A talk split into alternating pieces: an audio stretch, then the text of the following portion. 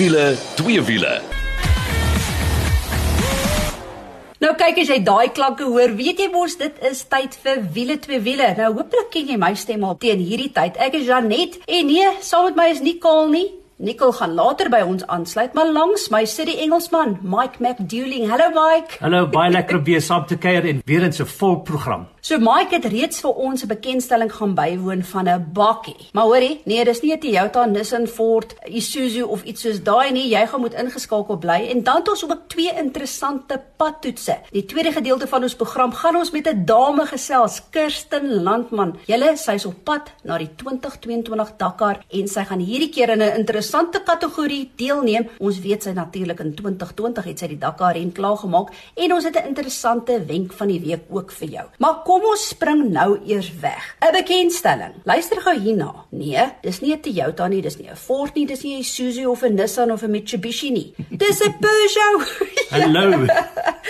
Hoorie, en Mike, jy het hierdie bekendstelling bygewoon en dit is Peugeot wat hulle Landtrek bakkie bekend gestel het. Nou ek wil eers by jou hoor. Vertel ons bietjie van Peugeot se geskiedenis. Hi guys, yeah, what a privilege to be back in the Peugeot range. Um, just a little history. Peugeot was founded in 1810, so this year on the 26th of September, she was 211 years old. Wow. The first car was made 1889, which was a steam engine, and 1890 was the first petrol engine. So a massive history. Maar 'n Peugeot bakkie, regtig? Ek bedoel, wat gaan die aan, Mike? Sure, girl. Absolutely. Um, they've been away for so long. Um, the new Land Track has been launched in Africa, and only in Africa, it seems. Two versions. It's a double cab, 4x2 and a 4x4. The 4x2 is called the Allure, and the 4x4 is a 4 action. So, four years in the making to get Peugeot to get where they are now with this fucky, and uh, two million test kilometers. So, it's really been tested. Just remember, years and years ago, Peugeot dominated this market, and they even had a rally championship in Africa with the Peugeot Bucky. So, they historically have got a very strong following with Buckies, and uh, now they're back. Maar nou goed, ons weet die bakkiebark in Suid-Afrika is geweldig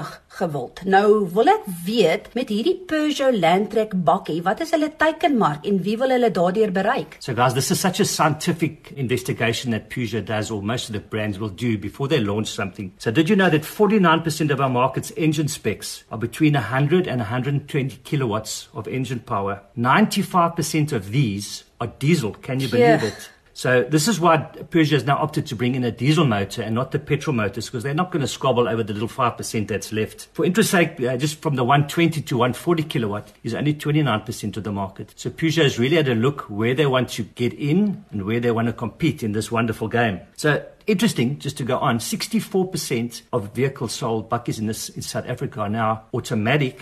Kaals of nou, hoor. Yeah. and one out of every two vehicles sold in our beloved country are buckies now. So as I said, Peugeot's not going to rage a war in the big power second. They're not going to play with 5%. They really want the, the market share and they've got a packet to do it. Eh? Maar nou hoor hierso, so van die pakket gepraat. Nou wil ek weet watter tipe syfers kyk ons na? So 1.9 turbo diesel, four cylinder, 110 kilowatts, 350 newton meters of torque. So you can see when we spoke about the 110 to 120 kilowatts, they're in, exactly in the middle, and that's where they want to compete in. Uh, guys, so much standard tech. You really can't want any more than Peugeot has to offer. Six-way le- electric leather seats, heel assist, heel descent, diff lock, low range, dual climate control, three different drive modes, a 10-inch screen with Apple and Android CarPlay. This thing is so teched out. It's absolutely a dream to drive. Maar Mike, maar nou wil ons almal weet, wat gaan jy betaal vir hierdie Peugeot? Ja, jy het reg gehoor, Peugeot Landtrek bakkie. So, guys, the Peugeot Landtrek 4x2 Allure comes in at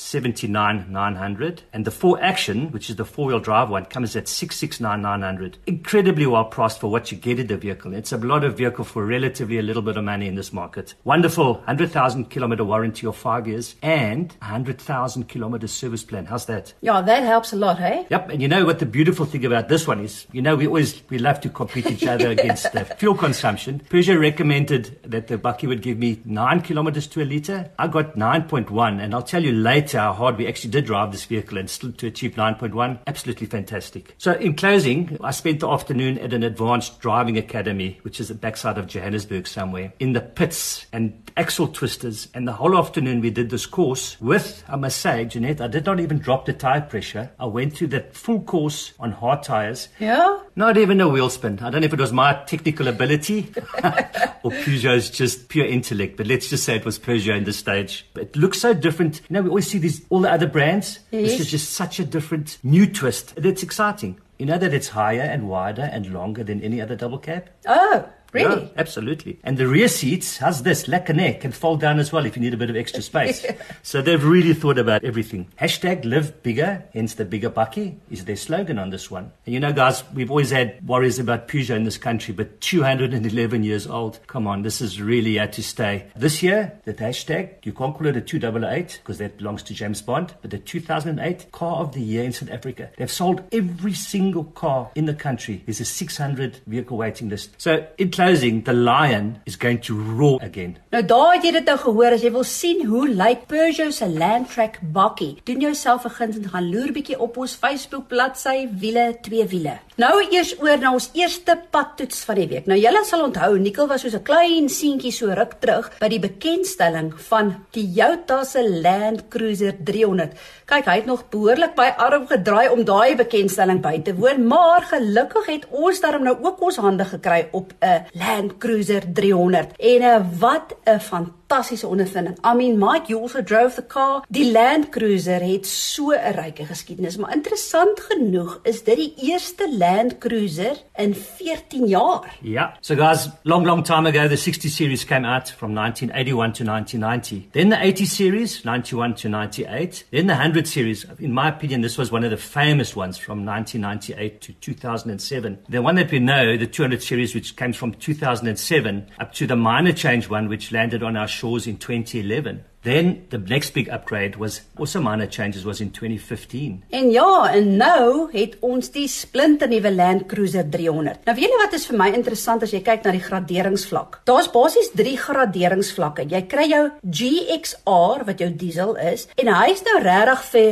veldry of jou pool offroader. Yes. Dan kry jy die ZX wat jy in die diesel of die petrol engine kry en hy's nou regtig 'n hoë spesifikasie vlak, maar hy's eintlik meer gerig daarop as jy nou net gaan padry. Interessant, dis ook nou die een waarmee ons gery het, maar die petrol engine, ons gaan nou met daai werksverrigting in die engines kom want dis is op pionies. En dan kry jy die GRS. Dis nou Kazoo Racing, dis nou die eerste keer wat jy nou die GR handelsmerk kry by die Land Cruiser 300 en dis nogal een wat jou oog sal vang hoor. Jy kan hom in 'n diesel of 'n petrol engine kry, maar hy's dan die hoë spesifikasie en hy's ook gemik op veldry So dis nou vir die harde baard 4x4 manne want een ding wat jy moet onthou is dat die Land Cruiser het die naam die meester van Afrika. Exactly, King of Africa. Yeah, let's see if they can keep it up. As ons nou vinnig kyk na die twee verskillende engines, jy kry 'n diesel engine, dis die 3.3 liter V6 diesel en hy gee vir jou 225 kW en 700 Nm wringkrag. Nou luister net gou hierna, sy brandstofverbruik is 8.9 en ek weet Mike het 'n storie oor daai een om te vertel. Ons gaan nou daarby kom. Maar dan die een waarmee ons gery het, is die V6 petrol. So dis 'n 3.5 liter V6, 305 kW,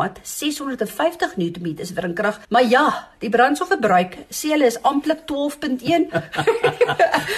ja, ons lag. What a challenge. What a challenge. Ehm um, ek het so 16.7 liter per 100 gekry maar anyway. Maar kom ons gesels net, jy het nou toe jy met die kar gery het, interessante iemand raak geloop. Yes, can you believe it in the whole of Durbanville where we stay, I went to fetch a parcel and lo and behold when I parked in the parking, a GR Land Cruiser parked next to me and we had such a fantastic chat. And he came down, he bought the car in Bloemfontein and his average fuel consumption coming down from Bloom was 9 and he was traveling at a rapid rate and uh, the fuel economy all the way back was exactly 9. So absolutely amazing. En weet wat was vir my so interessant, Mike, jy weet nou laasweek het ons met die Mustang Mach 1 gery. En ek wil amper vir jou sê, hierdie Land Cruiser 300 het meer aandag gekry. Ek het letterlik by 'n robot gestop, dan toet mense verby, draai hulle venster af en wys vir my thumbs up oor hierdie fantastiese Land Cruiser 300. Die slegte nuus is egter, jy gaan nogal redelik moet wag om jou hande op een te kry, maar ek kan vir jou een ding sê, die wag sal die moeite werd wees. Soos jy nou wonder wat die pryse is, nou kyk, hulle begin by 1 1.2 miljoen, net so oor 1.2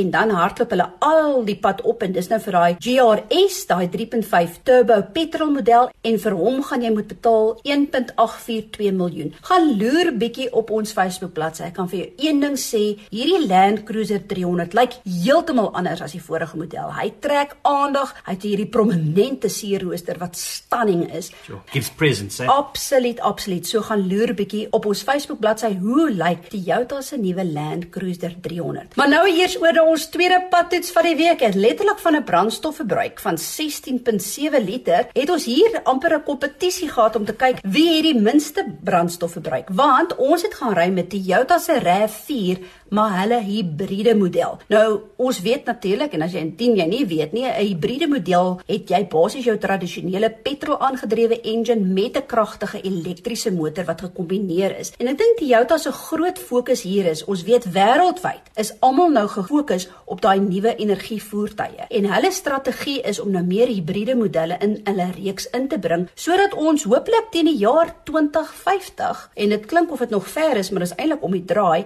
geen uitlaat uitlaatgasse vry te stel. So hulle het nou byvoorbeeld die hibriede model in die Corolla en nou in die onlangse Corolla Cross wat bekend gestel is, maar jy kry hom ook in die RAV4 en weet jy het ek nou lekker rondgerits met hom en 'n speletjie gespeel om te kyk hoe kan ek hom kry dat hy nie sy petrol engine gebruik nie, dat ek meeste van die um, battery engine gebruik en Mike that was quite a challenge. Sure, that concentration and that just that quietness in an Irishman's head was very, very, very difficult. At one stage, I took my wife for a drive and she just said, Michael, just drive. I said, no, I've got to be Janetta 6.1.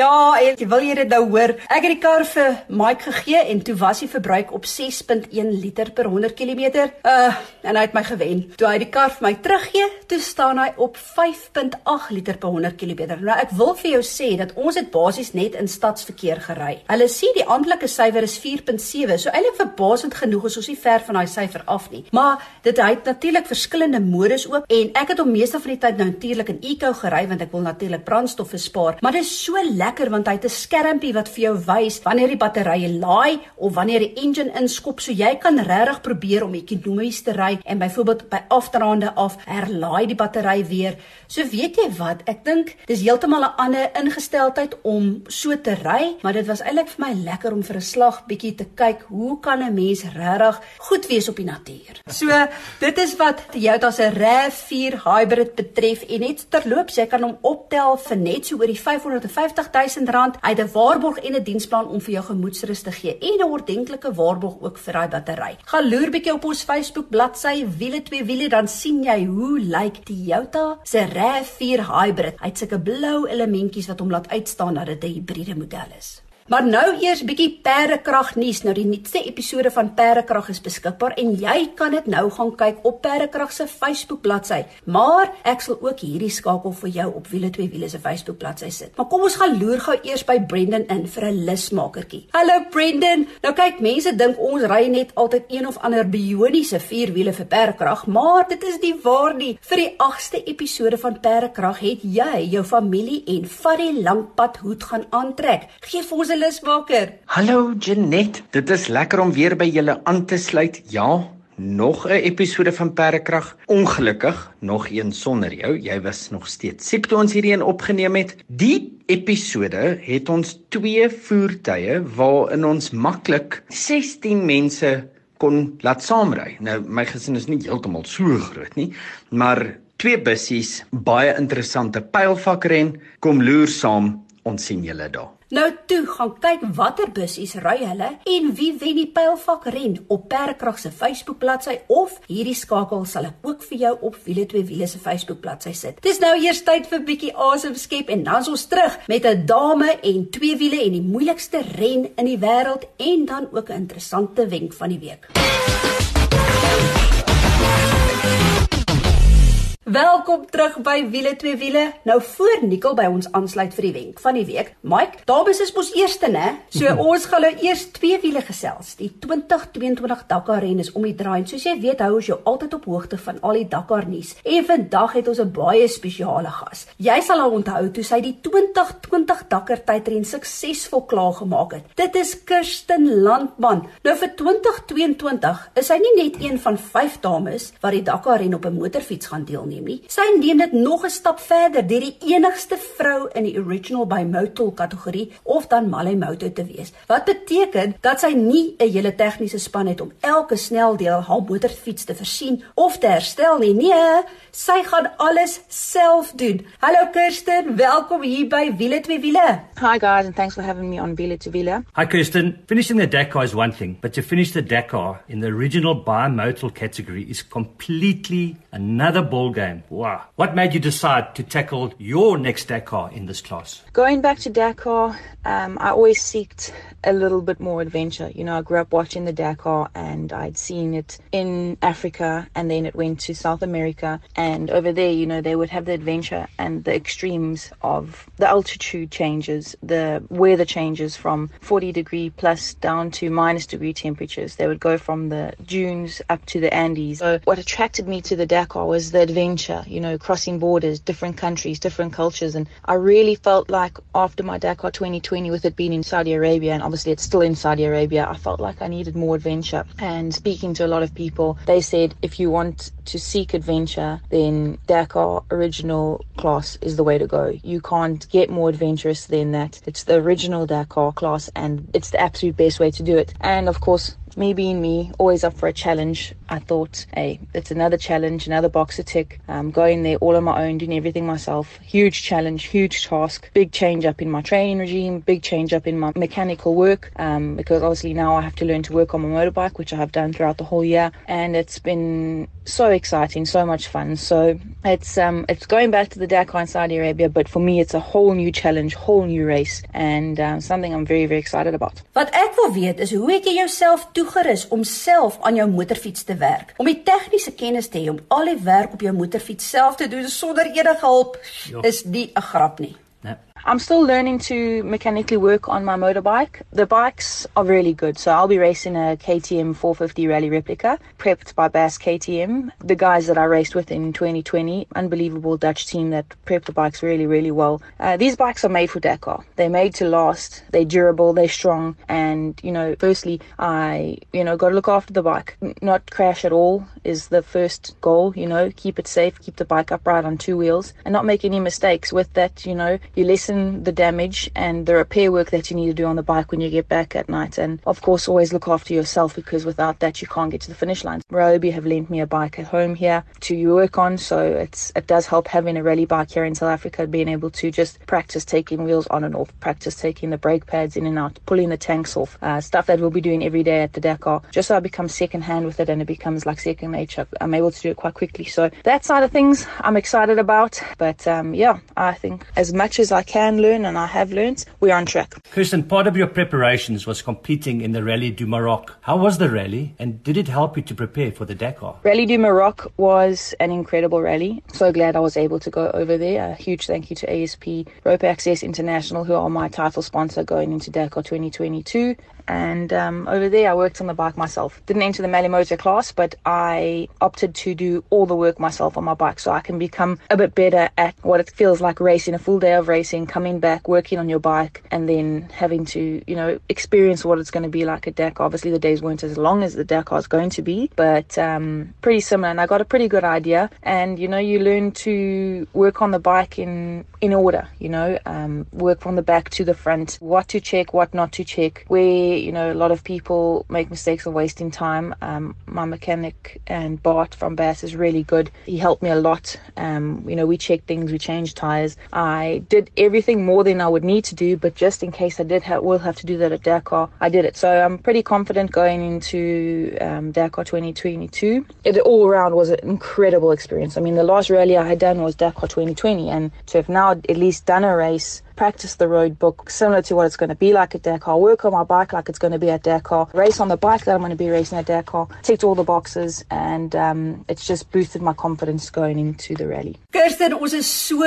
trots op jou en ek het geen twyfel dat jy nog 'n Dakar medalje gaan huis toe bring nie. Natuurlik kan jy nie die moeilikste ren ter wêreld aanpak sonder ondersteuning nie. So wie het dit vir jou moontlik gemaak om by die 2022 Dakar se wegspringrooster te wees? You know, this whole thing came about where I did an interview function for a business end of 2020. Um, I was doing a talk for the company ASP Rope Access International. And as always, I get asked the question, Are you going to go back to Dakar? And I just always put it out there. I was like, Yeah, of course, I would love to go back to Dakar, but it costs a lot of money. So if you know any sponsors, you know, hit me up with a message as a joke. And uh, the owner of the company came up to me afterwards and he's like, Kirst, if you're really serious about going back to Dakar, ASP Rope Access would be keen on backing you. And this was December 2020. And I was like, I'm quite shy to follow up with people and ask for money. So he actually then followed up with me and he, he said, Listen, I'm serious about what I said at our Christmas party. If you're serious, we're interested. And March 2021, we had signed a contract with ASP Rope Access, all in sponsor, going back to the Dakar to take on Malimoto. And what an opportunity, a company to work with. They believe in women empowerment and to work with a team that are so pro women and they want to see women do well and succeed. And, you know, it worked out so well. I'm a strong believer as everything happens for a reason. And if it's meant to be, it'll be. And it, this just worked out exceptionally well. And I'm forever grateful. And huge thank you to ASP Rope Access International,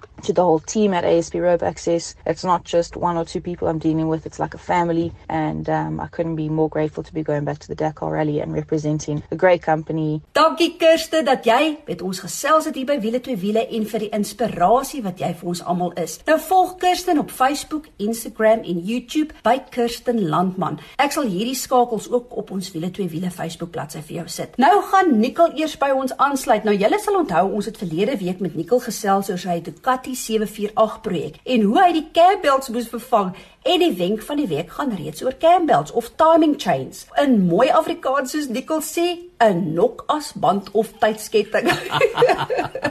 Hallo Nicole. Hoorie my eerste vraag aan jou is, hoekom het 'n kar 'n cambelt of dan 'n timing chain? Tenet ja, so die mooi Afrikaanse woord sal seker dan nou wees nokasband of riem of dan nou 'n tydketting. En die rede hoekom 'n engine dan nou hierdie item nodig het, is om seker te maak dat die inlaat en uitlaat kleppe presies op die regte tyd oop en toemaak. Kyk, dis natuurlik baie belangrik in 'n engine dat die lug inlaat op die regte tyd gebeur. Die kompressie moet altyd die kleppe natuurlik toe wees en dan as die uitlaat slag is, dat al die uitlaatgasse kan uitgaan. En nou die item, of ek nou praat van jou timing chain of jou cam belt loop dan nou van jou krukas af oor tot by jou nokaste en dan weer terug na die krukas toe. En uh dit bepaal dan nou die tydsreëling tussen die seiers wat op en af gaan en wanneer die kleppe dan nou presies oop of toe maak. So jy kan dink van hoe kardinale belang is dit in 'n engine dat hierdie item altyd in 'n goeie toestand is en dat hy nie breek nie. But Nicole, what is the difference between a timing chain and a cam belt? As ons nou begin by die tydketting, die item is natuurlik geontwerp om die leeftyd van die engine te kan hou. So as jy 'n engine het met 'n timing chain, dan hoef jy nooit te bekommer oor jy moet die ketting vervang nie. Dis net by uiterste omstandighede as 'n engine baie hoë myle gedoen het en daai ketting het gerek dat jy moet vervang, maar in normale omstandighede kan daai ketting hou vir die leeftyd van die engine. Die probleem met die ketting is, dis 'n duur item vir die vervaardiger om in die engine in te sluit uit. En dan ook vreet hy 'n bietjie meer krag as wat 'n Campbell sou doen, so meer parasitiese verliese. En dan die ander ding is hy's bietjie meer raserig as die belde. Maar nou ja, ek hou baie van die ketting omdat hy die leeftyd van die engine hou. As ons dan praat oor Campbells, hy lyk baie so amper of hy 'n sintetiese materiaal is, as hy swart, dit baie dat hy Kevlar in, rubber, hy's heel redelik buigbaar. Hy kan jou baie laat dink aan aan iets soos wat 'n 'n fanbelt lyk, like, maar onthou 'n cambelt het daai tandjies op natuurlik om die tydreëling reg te kry. Nou hierdie bande hou nie die leeftyd van die engine nie. En hier is dit baie belangrik om te gaan kyk by jou eienaarshandleiding, die diensboekie, wanneer moet hierdie items vervang word? Gewoonlik sal jy vind dat daar's 'n leeftyd en 'n kilometer afstand wanneer 'n cambelt vervang moet word. Gewoonlik is die leeftyd tussen 3 en 5 jaar en kilometers is so 90 tot 120 of 150 000 km. So maak maar seker vir jou eie model. En dit is natuurlik die eerste van die kilometer of die tyd wat verbygegaan het wat dan gaan maak dat jy die belt moet vervang. So moenie dink o, ag nee wat ek ry nie baie met my kar nie. Ek gaan nooit by daai kilometers uitkom nie. Die belt kan nou sommer lank hou. Nee, daai belt degradeer met tyd ook. So moenie dink dat as jy min kilos ry, nie daai belt moet vervang nie. So ja, 'n cam belt is goedkoper om te vervaardig en uh, hy loop stiller en hy gebruik ook minder energie, so minder van daai parasitiese verliese as 'n ketting. Nicole, jy het nou genoem hoe belangrik dit is om jou cam belt te vervang soos aangedui in jou diensboekie, maar wat sal dan gebeur as jy nou besluit om dit te ignoreer en jou nokasband breek? Tonet, ja, as daai nokas riem dan nou sou breek, dan het jy natuurlik baie groot probleme want die meeste van die moderne engines is wat hulle in Engels noem 'n interference engine. Dit beteken dat as die kleppe nie op die regte tyd oop en toe maak nie, is daar 'n goeie kans dat jou seier daai klep gaan ontmoet en dan is dit natuurlik staal op staal gebuigde kleppe of erger en daai engine kry verskriklik baie skade. So dit is nie die moeite werd om daai diensintervalle agterweë te laat nie want as daai cambelt gaan snap, dan het jy groot probleme en ook baie kostes wat vir jou wag. So beste is maak seker dat jy weet wat het jou engine as jy 'n tydsketting het, dan hoef jy nie so baie daaroor te bekommer nie, maar as jy 'n cambelt het, dan moet jy reg wees om daai cambelt op die regte tyd te vervang. Dankie Nicole vir daardie raad en vervang nou maar daardie cambelt wanneer nodig, hoor? Dit is al vir wiele twee wiele vir hierdie week. As jy iets gemis het, besoek ons Facebook bladsy, maar tot volgende week toe. Hou daai wiele aan die โรค